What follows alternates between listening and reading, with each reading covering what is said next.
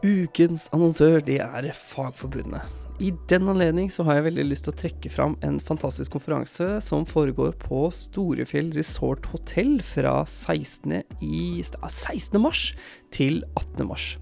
Der blir det prat om uh, resuscitering av nyfødte, det blir skarpe oppdrag, det blir diagnostisering av hjerneslag, um, fødsel utenfor sykehus, og det blir prat om uh, bl.a. sepsis. Jeg stiller, jeg kommer med mikrofonen min, og vil du vite mer om konferansen, så kan du gå inn på linken under i podkastnotatene her, eller du kan gå inn på Fagforbundet ambulanse AMK. Der finner du alt du trenger å vite. Samtidig link til billetter, selvfølgelig.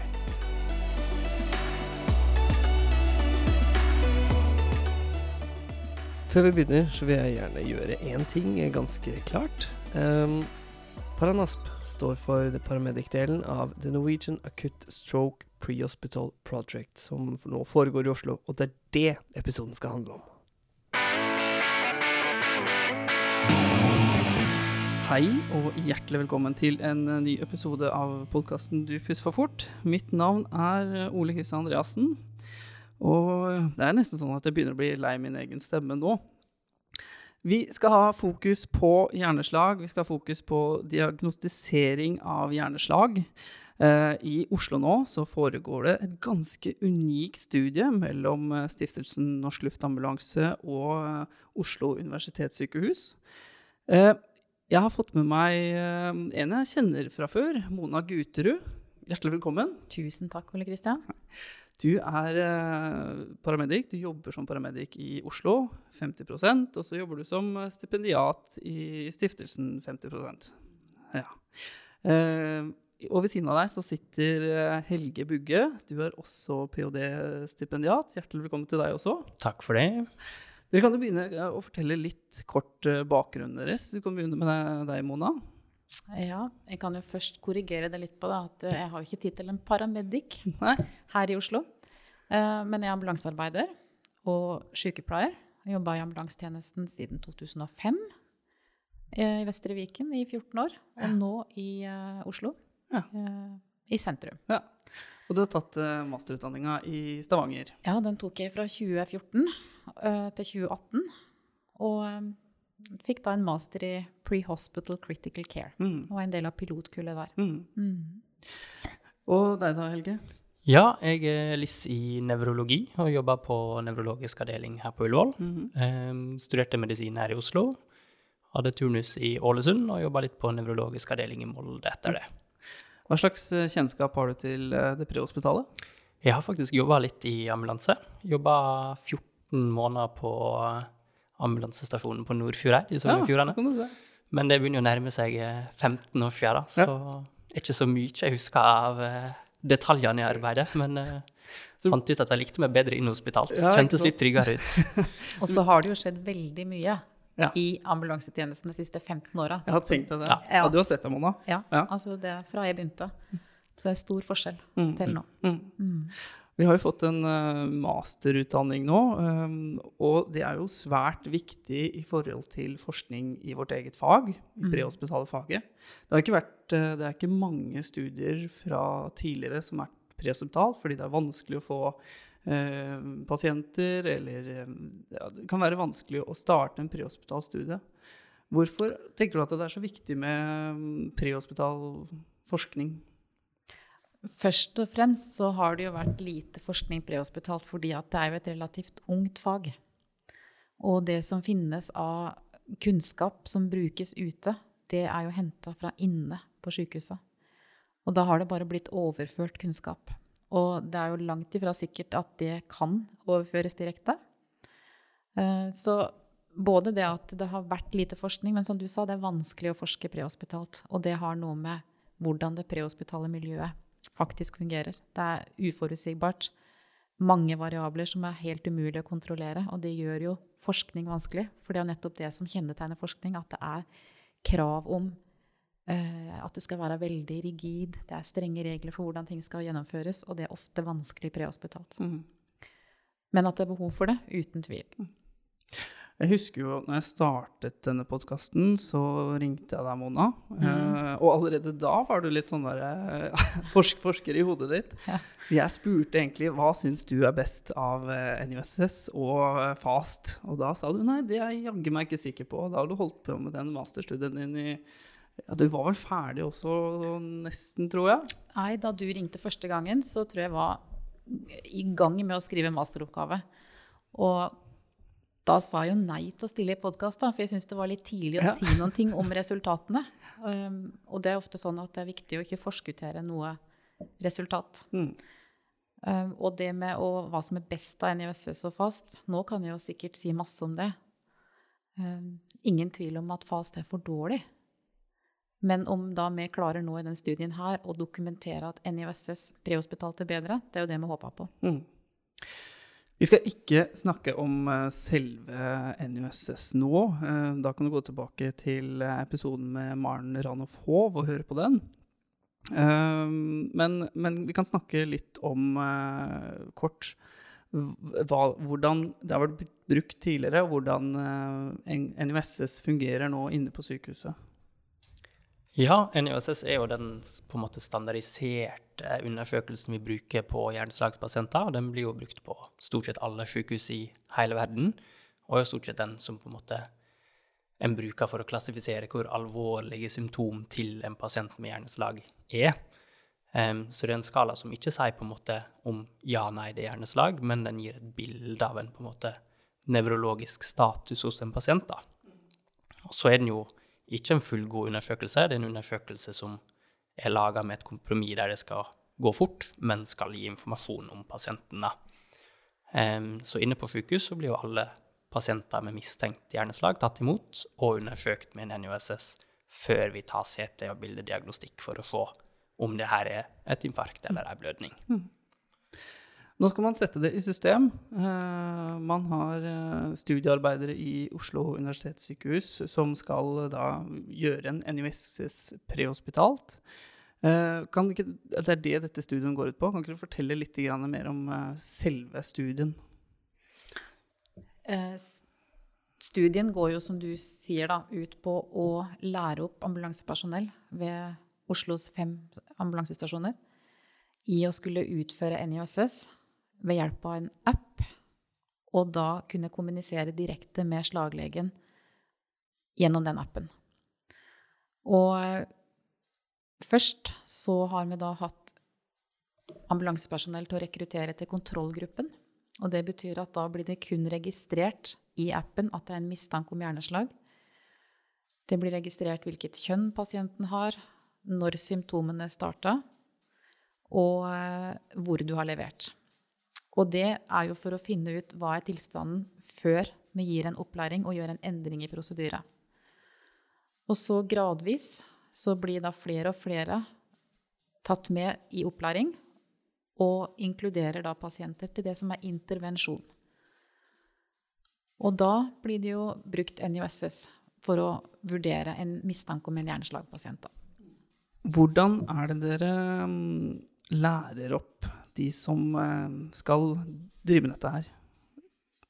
For å få lov til å da bruke appen i full versjon, hvor du da får tilgang til NJSS, så må du først ha gjennomført et eh, e-læringskurs som eh, er tilgjengelig da for du som skal bli studiearbeider. Og det er et e-læringskurs som har blitt utarbeida ved hjelp av innspill fra ansatte ved slagavdelingen her på, eh, ved OUS. Og i tillegg så har vi da tatt inn NISS, eh, video med tekstforklaring. Og så handla det om det prehospitale forløpet og det inhospitale forløpet. Så i tillegg så er det litt anatomi og fysiologi. Mm -hmm. Og litt patofysiologi. Hva ja. et hjerneslag er, hvordan det utvikla seg, og litt om behandling av hjerneslag. Rett og slett bare for å gi på en måte ja, økt kompetanse og kunnskap om hjerneslag generelt, da, mm. ikke bare om NIOSS. Og nå hørtes jo det her ganske omfattende ut, men du har jo tatt det, Ole Kristian. Ja. Ca. et par timer, kan det stemme? Jeg har brukt eh, ca. et par timer på det. Du kan lese gjennom det på et par timer, men ja. hvis du setter sette deg grundig inn gjennom det, så, så, kan du bruke litt tid. Det gjorde jeg selv, da. Mm. Og selve den delen med spesielt anatomi og patofysiologi tenker jeg er svært viktig, for vi er sultne på mer, mer fag. Og, og, og, det er jo veldig gøy å tenke at når du diagnostiserer en pasient, eller du har de og de symptomene på en pasient, at du kan tenke litt selv hvor, hvor f.eks. disse hjerneslaget sitter. Da. Mm. Så det kompetanseløftet tror jeg folk er sultne på. og ja, så er det jo en liten gulrot for deg som blir med i studien, for det her er jo en ekstra fagdag som er i tillegg til andre fagdager. Ikke sant? Mm. Og i tillegg da så har du en praktisk opplæring, selvfølgelig, som er veldig viktig. Og det er òg en forutsetning. Du må ha gjennomført både teori og praksis for å få tilgang til eh, full app. Mm. Og da er det en praktisk dag med trening på caser, hvor det da spilles slagsymptomer, og så scores det ved hjelp av appen. Mm. Og da er det under veiledning av f.eks. en slaglege. Og da vi som er i Paranasp-teamet, er jo med der. Så det er én del av den kvalitetssikringa dere gjør. For, at, for, dette her må jo måles likt for å få et likt resultat i andre enden. At dere, så alt personellet må egentlig gjøre alle undersøkelsene likt. Eh, hva slags andre kvalitetssikringer har dere på at uh, dette gjøres likt? Opplegget er jo standardisert. Vi går f.eks. ikke inn og endrer i e-læringen nå i løpet av den tida nå hvor studien pågår. Appen ser vi jo at det, kan, det er forbedringspotensial der, men uh, vi gjør ikke noen store endringer der nå, fordi at det skal være likt gjennomført for hele studieperioden. Så har vi jo, Den appen består av piktogram, som på en måte viser hvordan en skal score de ulike delene av NJSS-en. Nettopp for å på en måte minne folk på hva en scorer på. To på et punkt, hva betyr det? Og så har du et bilde av akkurat hva det betyr, sånn at du veit hva du skal score til enhver tid. da. Mm. Sånn at alle får på en måte en kontinuerlig påminnelse om hva som er den riktige scoren da, for hvert symptom de ser foran seg. Sånn sett så er jo appen en beslutningsstøtte òg. Den uh, hjelper de jo gjennom en undersøkelse som kan være litt uvann til å begynne med. Er jo, den er jo egentlig ganske enkel å gjennomføre. Tar jo bare noen få minutter. Men det er jo, en, det er jo et nytt verktøy. Så sånn sett så fungerer den appen som rett og slett en beslutningsstøtte gjennom den uh, scoringen. Mm. Men hvis det er flere som nå tenker igjennom uh, og tenker at denne appen, den skal jeg laste ned, hvor finner jeg den? Nei, foreløpig er den kun tilgjengelig for studiearbeidere. Ja, ja, det er mange som spør. ja. Og særlig etter at det da har vært litt fokus på det i eh, media og sånn, så har vi fått eh, henvendelser fra folk som leita i AppStore og har veldig lyst til å være med og prøve det her. Og da tenker jeg litt sånn at det er ikke så rart i, for som du sier, folk er litt sultne på det og kjenner at eh, vi har et behov for å gjøre noe mer enn en fast undersøkelse. Og det finnes jo NIOSS i app-form ellers, uten at det er den, akkurat den appen har. Men e-stroke-appen som hører til prosjektet, det er kun for utvalgte studiearbeidere nå. Og sånn må det være i en forskning. Det hadde vært lett å si at nå innfører vi det, dette er en kjempegod idé, sånn at nå legger vi det åpent, og alle som vil, kan begynne å bruke det. For det første så er det sånn det tradisjonelt har vært gjort med gode ideer. Det har blitt innført uten at vi faktisk vet om dette gir det resultatet vi ønsker. Og eh, for det andre så mista vi jo da en kvalitetssikring, for vi tror jo at den opplæringen vi legger til grunn for å kunne bruke appen, òg er en av suksesskriteriene. Både teorien, at du får forståelse av hvorfor du gjør de ulike undersøkelsene, men òg den praktiske opplæringen under veiledning. Så det er jo to ting vi håper skal komme pasienten til gode. Det ene er jo en bedre undersøkelse. Det andre er jo den økte kompetansen gjennom opplæring av ambulansepersonell, sånn at de faktisk har litt mer å spille på når det kommer til hjerneslag og nevrologi. da. Sånn, forhåpentligvis så blir jo komboen av da undersøkelsen og opplæringa gjør at en er bedre rusta til å møte de pasientene her. Vi har snakka litt om uh, hvordan egentlig studien har vært bygd opp. Du snakka du litt om, uh, Mona, med på en måte um, uh, Kontroll og intervensjon? Kontroll og intervensjon, ja. Hvor mange pasienter tenker dere at skal inkluderes i studien? Hva er planen fremover? Planen, eller Målet vårt er å få 1300 pasienter totalt, så 650 i hver gruppe. Um, og det er fordi at vi må ha nok pasienter til å kunne si noe om altså, hvor god er dataen, hvor treffsikkert er det verktøyet vi prøver å innføre. Er det statistisk signifikant, den forskjellen vi eventuelt finner? Og det gjør at vi trenger ganske mange pasienter. Og da har vi gjort en sånn styrkeberegning som en ofte starter med da, før en, eller når en planlegger en forskningsstudie. Og da har vi kommet fram til at det er 1300 pasienter vi må ha for å vise at det har effekt. Sånn strengt tatt så er vel òg kravet litt mindre enn 1300, men nettopp det her med prehospital forskning, som er så krevende, gjør det at det er stor sannsynlighet at det blir frafall av noen av de som blir inkluderte. Sånn at vi har tatt i en ekstra god sikkerhetsmargin da, for å være sikre på at det blir tilstrekkelig med data. Mm. Men det er mange pasienter, og hver enkelt inkludering krever mye jobb. Fordi at hver gang ambulansepersonellet har inkludert, så blir jobben i etterkant da å sørge for at du får innhenta samtykke, sånn at dataene kan brukes. Enten ved at vi snakker med pasienten på post, eller at vi da må ringe i etterkant og sende brev for å få et skriftlig samtykke tilbake. Og eh, i tillegg så skal det plottes mye data. Og da minner jeg på den harde jobbingen det er å være stipendiat. Ja, det er, for det er ikke bare gøy, jeg hørte jeg dere snakka om i stad. Nei, det er, det er, lite glamorøst og lite lukrativt og alt det der. Det er mye hard jobbing, men håpet er jo at det skal betale seg i økt kunnskap og et bedre verktøy for pasientene, da. Ja. Er det, um, når dere skal inkludere disse pasientene, dere har to grupper, er det kun altså det er en gruppe med mistenkt hjerneslag som ikke er hjerneslag? Altså den første, første gruppen, inklusjonskriteriene?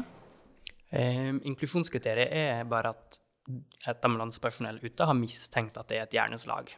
Um, I kontrollgruppa så sender de inn bare at de har hatt mistanke om det, samt kjønn og alder på pasienten, og hvilke sykehus eller eventuelt om det er legevakt, altså hvor de har levert pasienten. da. Mens i intervensjonsgruppa så er det jo en full NIOSS-undersøkelse i tillegg til Vitalia, alder og kjønn som blir sendt inn. Um, men når pasientene først er inne på sykehus, så behandler vi de to gruppene helt likt. Mm. Sånn at den jobben vi gjør etterpå, og dataen vi samler inn, er helt identisk fra de to gruppene. Sånn at vi skal på en måte ha et datamaterial som er likt for alle pasienter som er inkludert, uansett om det er kontroll eller intervensjon, og om det har hjerneslag eller ikke hjerneslag.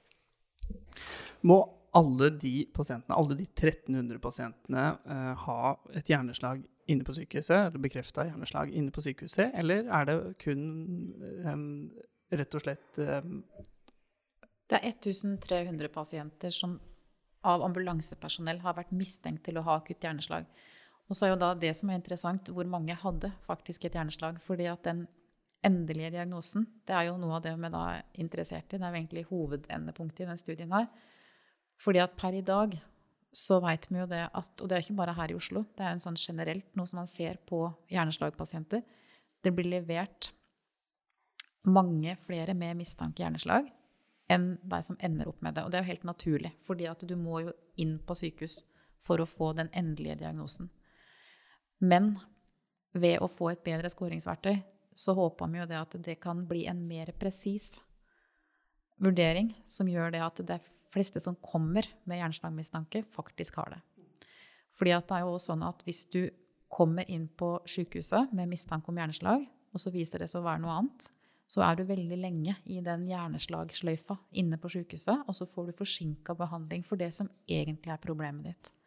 På samme måte, hvis du da det ikke har blitt oppdaga ute at det kan være et hjerneslag, og du går inn på sykehus innunder f.eks. en uh, sepsisvurdering eller noe annet, så blir du òg veldig lenge der før du da får behandling for den tidskritiske tilstanden som hjerneslaget. Så hele målet må være å få en mer presis vurdering. Sjøl om du aldri kan ha noe mål om at det skal bli 100% korrekt. Det er helt umulig, gitt den store variasjonen på symptomer hjerneslag kan gi, og at er, du må inn for å få en få et bilde, mm. sånn som det er per i dag. Mm. Kanskje i framtida så kan du ha en blodprøve som viser om det, om det er en uh, blødning eller en propp. Men per i dag så må du inn og ha et bilde. Og akkurat det forskes på enda? Det med blodprøve, ja. ja det er jo en um, Vi snakka jo om Paranasp. Ja. Det er jo TreatNasp som uh, samler blodprøver for å finne ut om det er en biomarkør, da, eller flere biomarkører, som kan indikere forskjellen. Det er spennende. Mm. Eh, vi har snakka mye om den eh, prehospitale studien. Kan ikke du fortelle litt om eh, du Helge, om, om den, hva den inhospitale studien er for noe? Jo, det kan jeg. Alt i alt så er det jo en stor studie vi har, der vi er to stipendiater. Så vi har jo delt inn litt sånn som vi egentlig ikke ønsker at et hjerneslagsforløp skal være, da. I en prehospital del og en inhospital del. Um, men vi har jo sett at vi stort sett samarbeider om det meste, jeg og Mona, så vi deler jo veldig på arbeidsoppgavene.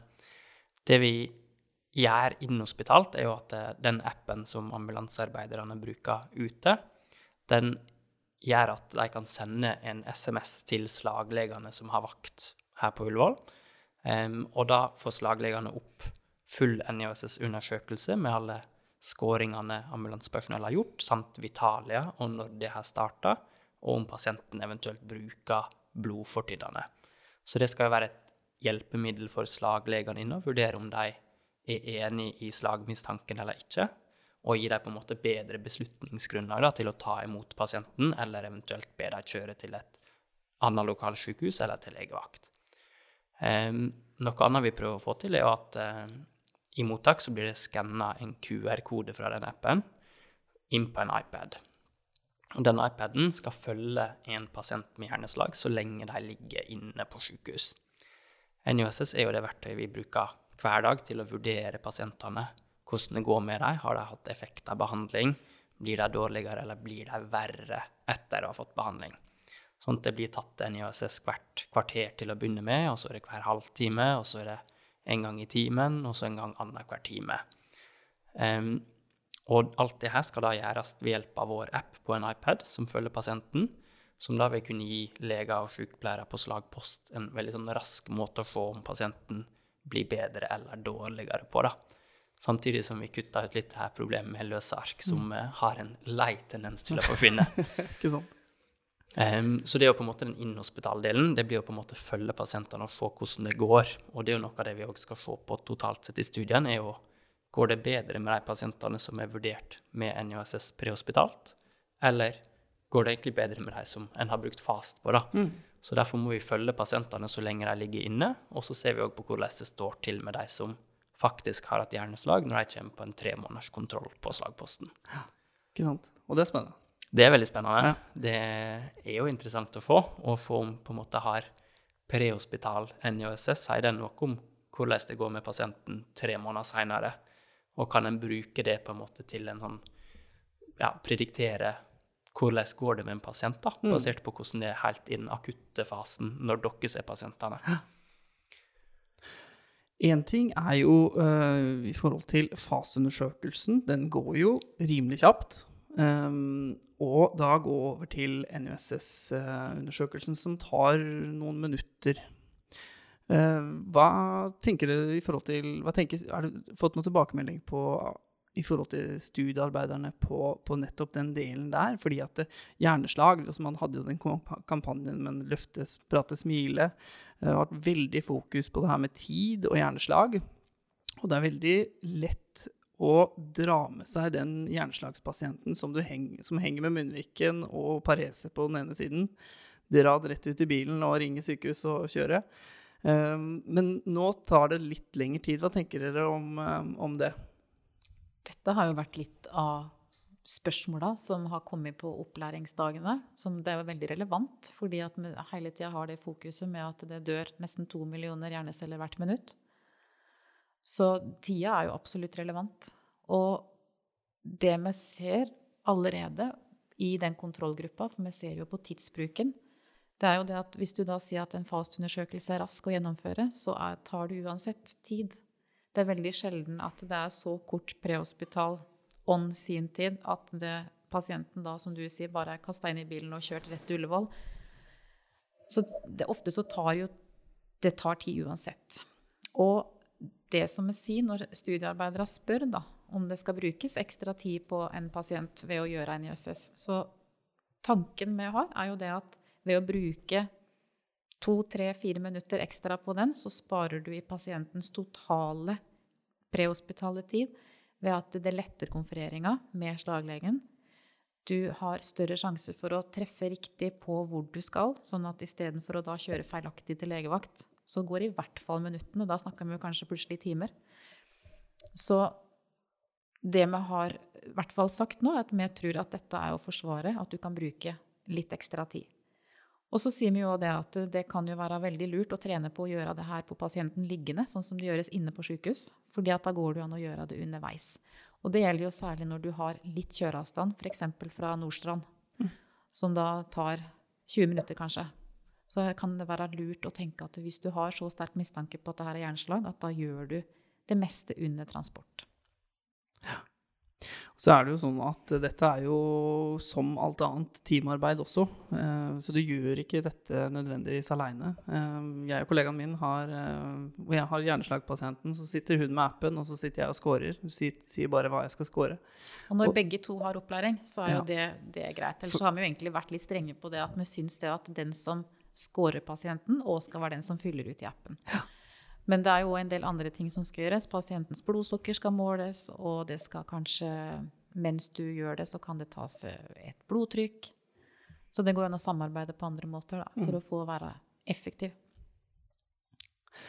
Jeg husker uh, under mesterskapet på, på Jessheim, IMS Norway sitt mesterskap på Jessheim, så var Maren ekstremt imponert over uh, måten uh, de jobba på der, på den slagposten. Det har hun fortalt om, ja. ja mm. uh, og at hun skulle dra med seg dette videre til sine kolleger inne på sykehus. For vi fikk gjort veldig mye på kort tid, og fikk dratt med oss veldig mange elementer. Mm. Så litt skryt har vi fått for måten vi, måten vi, jobber på også, og måten vi er vant til å jobbe på. Vi er vant til å jobbe under stress, vi er vant til å gjøre flere ting samtidig. Mm. Med få ressurser. Det går jo òg litt igjen når vi snakker med pasientene og forventer inn samtykke òg. Sjelden de skryter av akuttmottaket, men de er veldig på at nei, de som kom og henta meg, de var flinke. De kunne det her. Så det, dere får mye skryt. Det er noe å dra med seg videre, det også. Så bra.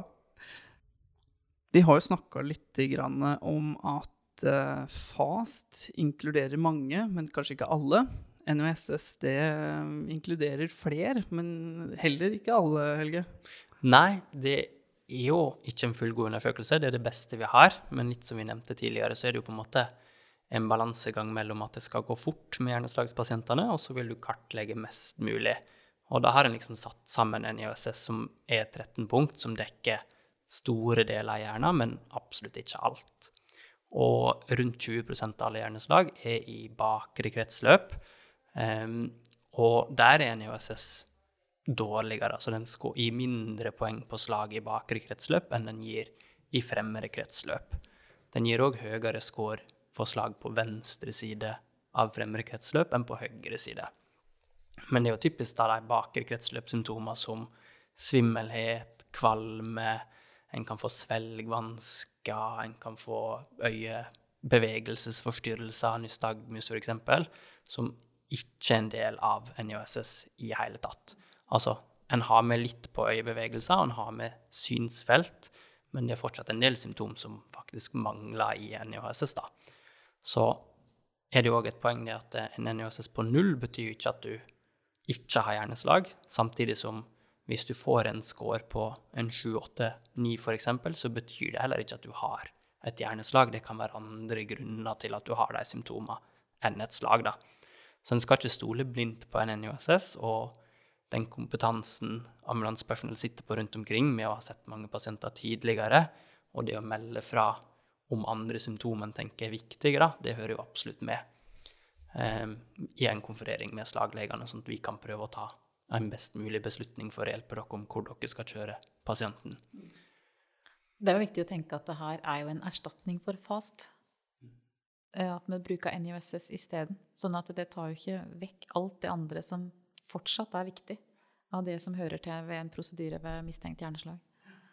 Så som Helge sier, at det, den konfereringen med slaglegen da, da må vi da bare bruke, bruke aktivt den tida til å si noen ting om hva vi både ser, og kanskje den magefølelsen. Vet jo at den ene slaglegen var veldig opptatt av på den opplæringsdagen. At den magefølelsen du som ambulansepersonell òg har, den er viktig å formidle. Og det er jo en stor gruppe. Svimmelhet og kvalme og kanskje nystagamus. Det er Sant. jo det er en veldig mange pasienter. Som, pasienter som er vanskelig å vurdere. Mm. Det er vanskelig ute, og det, det som har overraska meg litt, da, når jeg har fått lov til å henge litt på slagposten og være med i akuttmottak og inne på CT-rom og alt, det er jo det at det er kjempevanskelige vurderinger der òg. Det at vi syns det er vanskelig ute, det er jo ikke noe rart når det står inne et team av erfarne nevrologer og radiologer, og det kikkes på bilder opp og ned, og det er altså sånne diskusjoner. tenker jeg at Det er jo ikke lett Nei. der heller. Ja, det er betryggende å høre òg. For, å- Ja, få vårt. ja, egentlig. Fordi at det her er komplisert. Så eh, det er, det er vanskelige vurderinger noen ganger. Det er, og det er gjerne på de litt diffuse pasientene, ikke sant. Ute hvor du har den klassiske halvsidige lammelsen og talevansker, så er det jo lettere å catche, og det er jo lettere å ta beslutningen om å gi trombolyse. Men det er alle de diffuse tilfellene hvor du da blir stående med findiagnostikk, og det kan ta dager før du kan si sikkert om du tenker jo, vi setter en hjerneslagdiagnose, eller nei, vi lar være. Av og til må en jo bare vente på at en får svar på MR, og det er ikke alltid den viser noe heller. Så det er ikke alltid rett fram å sette at det her er, en, er et slag eller ikke. Nei. Um, så det er mange tvilstilfeller som er vanskelig å undersøke, og det er vanskelig å stå med dem i mottak. Og svimmelheten er jo en av klassikerne som veldig mange syns er vanskelig. Ja, og det er ikke så rart, for det kan være mye. Det kan være veldig mye. Absolutt. Ja.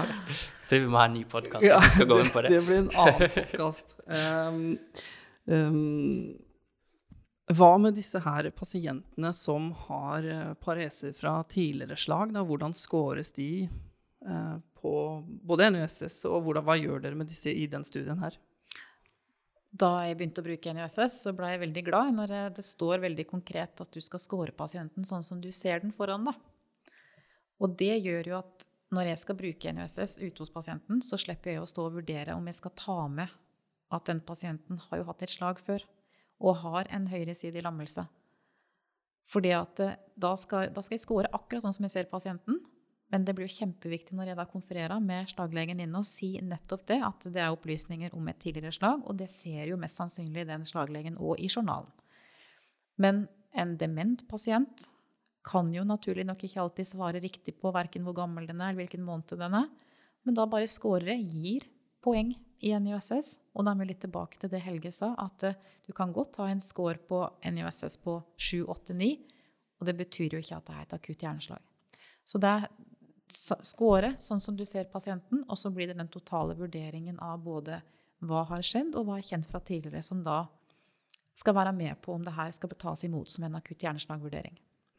Jeg tenker at vi nærmer oss slutten. Ja. Spennende å høre om studien. Men det er en ting til eh, jeg kanskje tenker på. Uh, ofte får vi hører hjemme hos pasientene at når de er hos eh, fastlegen sin, så får de ikke noe hjelp der, for han sitter jo bare på den, eh, på den datamaskinen og skriver når pasienten er, er hjemme hos fastlegen.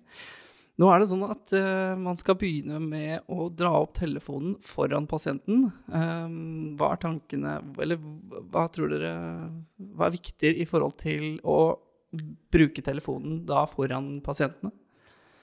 For det første så er det jo viktig som alltid å ha en god kommunikasjon med pasient og pårørende og si hva du gjør. Og eh, som du sier, det er jo på telefonen. Den appen ligger på biltelefonen. Og eh, det å forklare da at du har et uh, verktøy som gjør at du skal score pasientens symptomer, og at du har en direkte kontakt med slaglegen på Ullevål, det er jo sånn vi løser det. Og vi har også i studien så er det utforma en sånn standardsetning som ligger klar i appen, som du da kan få litt hjelp til å formulere hvordan du skal ordlegge det. Da. Og når jeg har brukt appen, jeg har jo testa den ganske lenge, så jeg har jo fått lov til å bruke appen ganske mange ganger, så har jeg aldri opplevd at det har blitt noe problem. Men det er jo viktig at jeg sier hva jeg gjør, sånn at ikke pasient eller pårørende sitter og tror at jeg googla. At Ja, jeg sant? er så usikker at jeg må sitte og google pasientens symptomer. For det, det er viktig også å si hva du gjør. Men det er i hvert fall min erfaring at det er kun positivt. Og jeg må jo få lov til å si at jeg føler at jeg blir ganske profesjonell når jeg gjennomfører den undersøkelsen og bruker appen. Og så har jeg aldri følt at det har vært noe vanskelig. Nå har jo du prøvd nå. Ja. Og det er vel egentlig det samme. Det går mye på det her å, å kommunisere med, med pasientene. Og så tror jeg også at eh, det er jo mer og mer vanlig å gå rundt på den telefonen nå. Folk går jo på lyktestolper og Men uh, at man har hjelpemidler uh, som eh, i på en måte i formatet telefon, eller Det tror jeg er Det er jo så klart fremtiden, og det tror jeg også, også pasientene forstår. Ja, og det er jo, som jeg var litt inne på, det her at det er viktig beslutningsstøtte. Og alt det vi tror vi kan utenat, det kan ofte være noen sånne snubletråder der. Og det som jeg tror òg kan komme i kjølvannet av den studien her Nå er det jo altfor tidlig å si noe om å lykkes med akkurat det endepunktet vi har satt, da. men at måten å organisere en sånn studie på prehospitalt, at du tar i bruk teknologi, at du gir konkrete kompetanseløft, det er jo ikke begrensa til hjerneslagpasienter. Jeg tenker jo at det her er en måte som kan overføres til andre typer problemstillinger prehospitalt. Så det her er jo dette er forhåpentligvis bare begynnelsen, tenker ja. jeg da. Og nå har vi jo så mange huskelister at uh, og de fleste tjenester bruker kanskje en, en eller annen app for Og momboka er jo ut, mm. så jeg Og tror, takk og lov for det, for ja. det er utdatert uh, hver gang det er trykka. Ja. Men uh, siste spørsmål som jeg kom på nå, var altså For å oppsummere litt Paranasp-studien hva er eh, målet, overordna målet til studien? Målet er å prøve å få de riktige pasientene til riktig sted. Så vi vil ha at hjerneslagspasienter, pasienter som faktisk har hjerneslag, havner på ei slagavdeling, mens de pasientene som, der det er mistenkt hjerneslag, men ikke har hjerneslag, flere av de skal havne på andre avdelinger eller på legevakt. Sånn at vi bruker de ressursene slagavdelingene har, på å faktisk behandle hjerneslag, og at pasientene faktisk får riktig behandling så fort som mulig. Da. Og på hjerneslagsavdelinga er ikke vi så veldig gode på sepsis, så de pasientene skal vi jo helst få luka ut og sendt til medisin, sånn at de kan få riktig behandling, og at vi ikke sløser vekk tida med våre CTA og MR og alt vi måtte finne på å gjøre på en pasient som ikke har hjerneslag. Så riktig pasient til riktig sted, sånn at riktige ressurser blir brukt sånn som de skal bli brukt. Takk. Jeg gleder meg til å følge studien videre, og følge dere videre. Uh, vil dere ha litt info på dette her, så kan dere følge dere er både på Instagram og Twitter og Facebook, og dere er virkelig influensere. Ja. Forskere skal være influensere nå. Prøve så godt vi kan. Ja. ja. Noen kaller det forskningsformidling, alle ja. andre kaller det influensing. ja. uh, og da er, kaller dere Paranasp på Dere finner dere på Paranasp ja. på alle, alle, sider der. Det stemmer. Hjertelig takk for at dere ville komme. Takk til deg, Mona. Takk for at vi fikk lov til å snakke om det som jeg driver med hele tida. Det er kjempeålreit. Og takk til deg, Helge. Sjøl takk. Det var hyggelig. Det var veldig hyggelig. Og mm, har dere spørsmål, så får dere ta kontakt eh, på sidene til Paranasp om den studien her.